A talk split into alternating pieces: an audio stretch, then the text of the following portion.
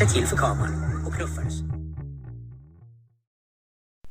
I det här avsnittet så kommer vi lyssna till Bengt. Han är 73 år gammal och uppvuxen i byn Öskebohyttan som ligger norr om Nora.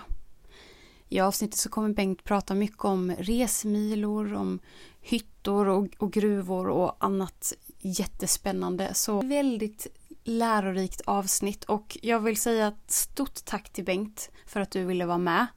Tiden bara flög förbi. Jag tror vi, du och jag spelade in i tre timmar eller någonting sånt där. Så att vi hade väldigt trevligt. Jag hoppas att ni som lyssnar kommer ha minst lika trevligt. I dagens avsnitt så kommer vi få höra väldigt mycket information om eh, resmilor, gruvor och om hyttor. Så därför tänkte jag förklara lite, lite enklare vad en hytta är så att alla hänger med på tåget. Och en hytta då är en smältugn som behövs när man framställer metaller eller glas. Och det skulle man egentligen kunna säga att det, en hytta var Bergslagens liksom high-tech uppfinning för många herrans år sedan. Så det, det, är väldigt häftigt och lite dålig bevarad historia. Så att mycket intressant att lyssna till Bengt och hans kompetens. Så njut! Ja, jag heter Bengt Gustafsson och är, har fötts ohejdad vana bonde egentligen. Skogs och mjölkbonde i ja, gammal gruv och hyttbygd. Så småningom så drev jag det därefter ja, både farfar och farfars far och sen min pappa och sen fortsatte brorsan och jag i den där svängen med kor och egna skogen. Men sen kände vi väl ungefär så här att, att vår gård räckte inte till att försörja två familjer till fullo. Utan då skaffade vi någon skogsmaskin så brorsan började på att köra lite utanför gården. Och sen så gick det ytterligare några år och vi kröp in i en sån här lågkonjunkturförbund kan man säga. Så att 90 då sparkade vi ut konna helt enkelt. Och köpte en skördare till. Mm. Och då, ja, så då var jag skogsmaskinsförare. Helt plötsligt? Ja, på, eh, inte kanske fullt på heltid för jag pysslade om kontoret och, och ja, det som var kring företaget. Just det. Och så det rullade ju på då några år. Sen eh, höll jag på att säga av, av lite ärftlig belastning så 96 då åkte jag på en strokhistoria så att jag har inte gjort något sedan 1996. Om man, ja, alltså yrkesmässigt. Ja, precis.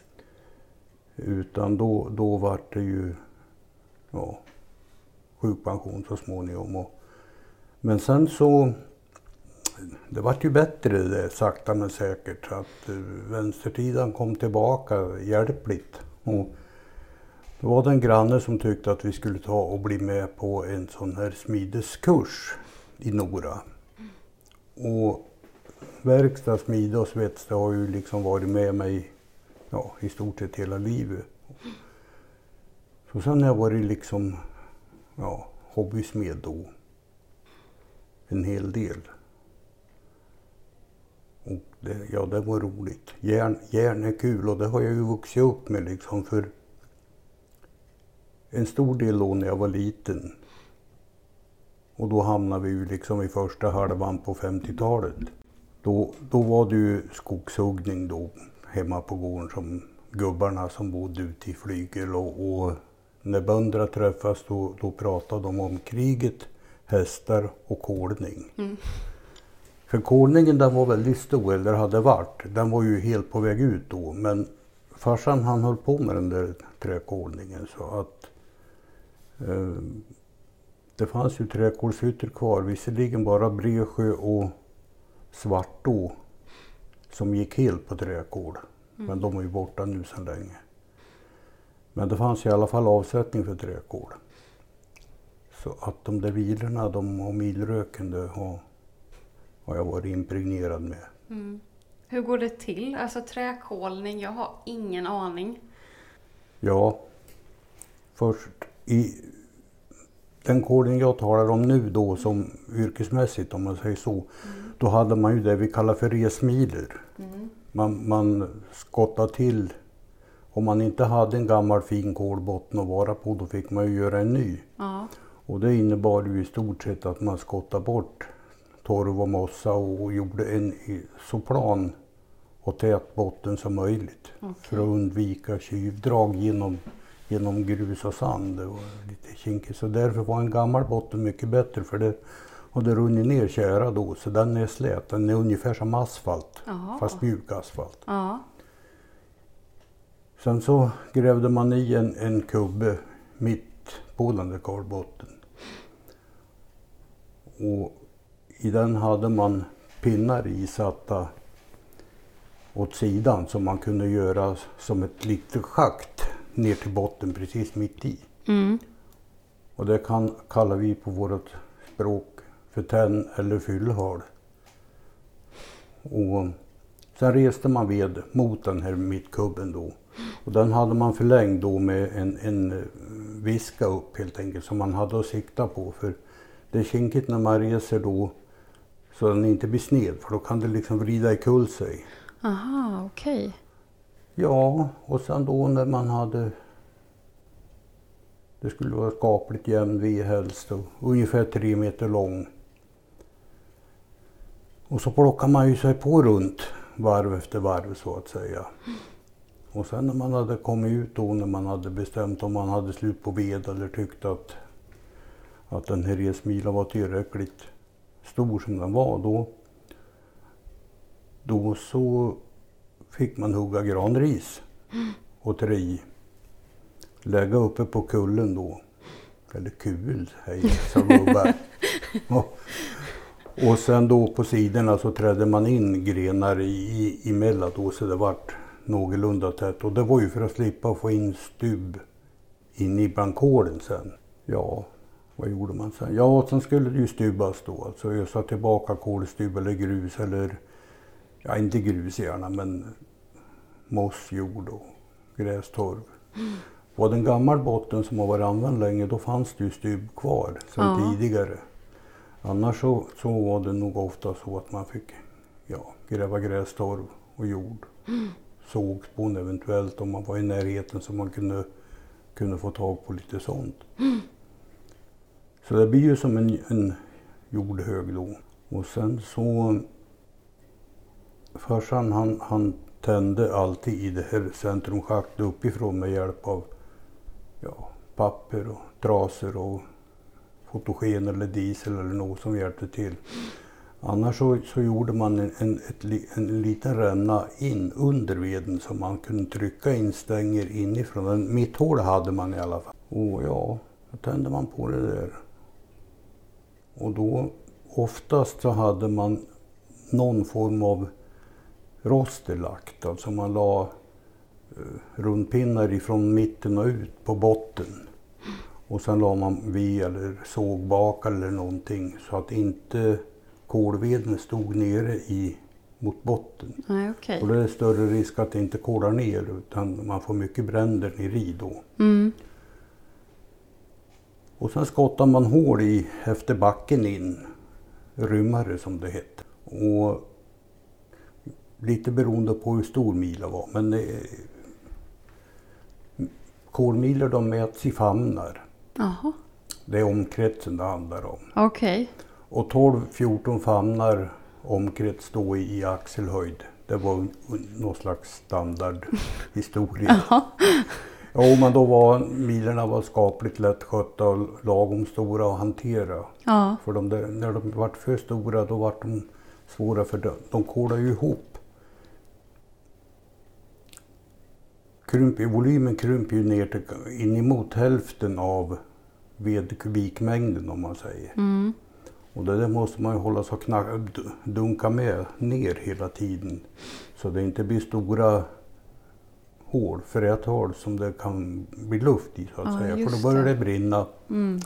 Och, och då kan det bli svårt att, få det tätt och få tillbaka kolningen. För det får aldrig vara blårök kring en mila. okej. För då brinner det. Ja, just det. ska och det vill man ju ska, inte. Det ska i stort sett bara koka ut vattenånga. Mm. Så det var ju gubbar tvungna att vara rätt så duktiga på att hantera just draget och flytta draget vartefter.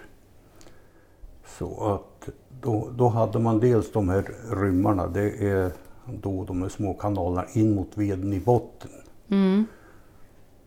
Och sen körde de runt så att säga. Eller vi kanske jag skulle säga. För farsgubben han hade nog en dröm om att Mats och jag skulle, det är brorsan det som heter Mats. Att vi skulle begripa det där med kolning. Mm. Och vi hade ju en väldigt svår skogsstorm här 69. Och då hade farsan precis, eller ett par år tidigare, köpt i granngården. Och där var det mycket skog som inte hade varit rörd. Plus att på, på ja, nästan hundra år. Och så blåste det kullenopor. Och det där hann, hann man ju inte ta rätt på.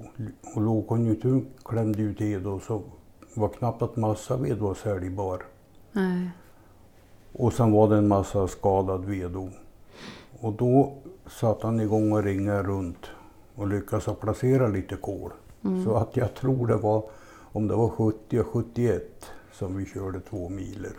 Och då hade han oss till kolardrängar så att säga och instruerade. Och ja, det var fascinerande det där att hållas med. Ja, hur som helst, när man har då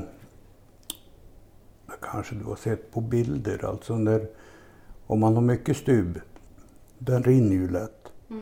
Då fick man ha liksom stötter upp emot och sen snabbprincipen på, på kolning det är att man, man tänder då. Och sen kolar man då från mitten där. Och sen ut, upp. Och sen runt kanten på milan, den heter bryn. Bryn. Ja, då kolar man med lite hög värme då upp. Så man får ut kolgången till bryna. Och så kör man så pass varmt så att kolningen gör att, att ven knäcks där. Så man Ah. knäcker bryna. Sen börjar man på lite försiktigt och gå runt och då stänger man rymmar och så kör man luften så att säga med hjälp av de här fotrymmar plus en pinne som man gör små draghål med i stubben, för stubben blir fuktig. Mm. Så att man kan liksom stoppa ner en, en pinne som är väst, ja, kanske 40-50 millimeter och få ett minidraghål. Och där skulle man se en liten rökslöja som kom ut. Och det var, ja. Sen höll man på så där till man var nere vid botten. Och hela tiden då klubba ner så det var tätt. Hur lång tid kunde det ta tills när man Ja, var en nere? sån, en sån där resmila på om man inte använde skorsten och det gjorde vi inte så att ungefär tre veckor tog det. Ja.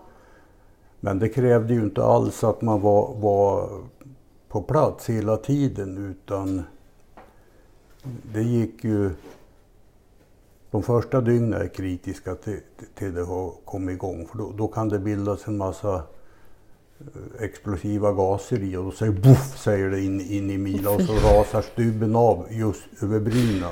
Ja. Och då, då, så de första tre dygnen då gick nog knappast en kolare ifrån Mila utan Nej. låg i koja eller och farsan han hade ju miler hemma jämte Lagårdsbacken så att han- Nära hem han, liksom. Ja visst. Så han kunde ju gå in och äta hemma och sådär. Och, och sen gå där och vanka och mjölka korna. Och, Mm. Men eh, när de låg ute i skogen då fick de ju vackert ligga i koja då som var vid den botten. Men ofta så samarbetade gubbar som kola. Så de tände någon mila då Ja. och sen passade den några dygn. Och så tände de nästa. Och sen kunde de liksom vandra runt i tre, fyra stycken och hoppas att det skulle gå bra. Och det gjorde det ju naturligtvis för det mesta. Ja. Så att då, ofta så började, tände de på, på nymåne då någon gång i slutet, mitten på oktober. För då blir det ju inte fullt så svart om man skulle gå mellan, mellan miler. För i fotogenlampa är inte mycket att gå med i skogen. För så länge kolningen var stor då fanns ju inte batterilampor som var nog mycket med inte. Nej. Och sen så Så i allmänhet så, så hade var väl tanken att det skulle vara färdigkolat till jul. Liksom. Sen skulle de hem och julbada och, och sen riva ut och köra kol då till hytterna. Så det var ju, det var ju skogsfolkets vinter. Ja, just det. De som var i Kolarsvängen. Sen fanns det naturligtvis timmerhuggning också. Massaved är ju en modernare uppfinning. Då är vi ju inne kanske mera på, på 50-talet. Då var kolningen mindre och, och timmer och massaved som gällde. Plus att man på 50-talet då, ja som det var hemma i byn då, att man började bygga skogsbilvägar också så att lastbilarna började komma. Mm. Under 30-talet då fanns ju knappast inte timmerbilar utan då var det ju hästkörning till järnvägsstation. Okej. Så att farsan när han var ung, han, de gick ju från Öskobohyttan då över sjöarna. Ja, Usken, Fåsjön till station i Nora lasta timmer. Om de inte sålde det. Fanns ju ett sågverk i, i Öskevik. Ja. Men eh, det var inget stort sågverk men ibland kunde de väl bli av med något timmerlast på hemmakant. Mm. Det där, de där att gå, gå på Nora med timmer, det, det pratade han mycket om farsan. För att det är ju alltid dragit på sjöar. Mm. Och då hade han två saker att välja på, sa han. Antingen gå och hålla sig varm eller åka bakom och frysa. Ja, precis. Så att de här, ja vi kan ju säga de, de här bönderna som då var, ja började på att bli över efter, efter bergsbrukets tid då. Men det, det tog slut kring 1900 kan man säga med gruvorna. För då var de ju många gånger, hade de inte någon egen gruv eller verksamhet, då var de ju kolare och skulle till hytterna. Och under, under den tid som mina minnen från farsan och farfar gäller, då, då var det ju hyttan i Öskevik då som gällde. Annars så, om man går långt tillbaka, jag, jag tror det fanns ungefär tio hytter runt Usken. Men då är vi mycket längre tillbaka till små, små hytter.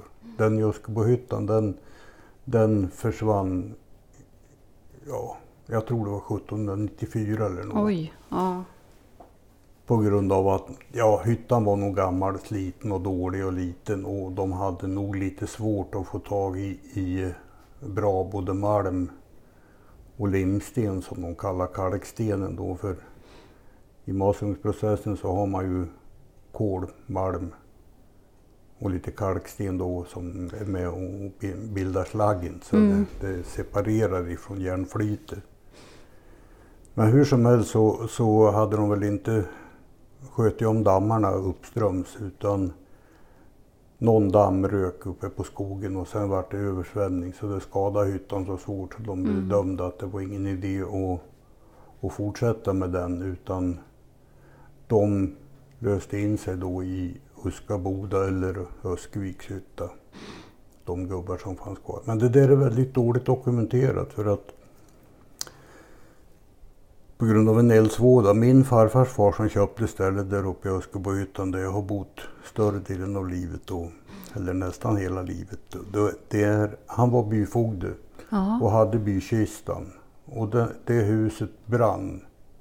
Han köpte gården där uppe på 1870-talet ungefär. Kom, var bergsmanspojk nerifrån Öskevik. Och då försvann byns historia kan man säga. Okej. Så det är ju bara det som en och annan har lyckats hitta i andra kanaler som man kan ana just så, som att hyttan försvann då Mm. till exempel. Men eh, så byn är väldigt historielös ur den synvinkeln. Fy vad synd. Ja, det, jo, det är det ju. Jag tror det finns väl, ja, var det nu finns det vet jag inte säkert, men det kan finnas lite produktionslängd för järnet var ju skattat. Mm. Så myndigheterna försökte nog hålla rätt även på, på skogsbönder i Öskobohyttan, vilket de inte lyckas allt för bra med. Men, men det var ju så pass att man historiskt kan se ungefär när, när byhyttorna funkar. Mm. Efter, hur beskattningen gick till det vet jag inte. Men, men det var en, viktig del och det var en väldigt viktig del för alla våra krigskonungar att få, få ut järn. Mm. Och det har ju präglat den här bygden hela tiden liksom. Mm. Men jag som sagt, det där, ja Kolningen har jag ju varit med om rent personligt. Men Ja. an, annars så, det andra det blir ju mera historier då från farsan och farfar och morfar.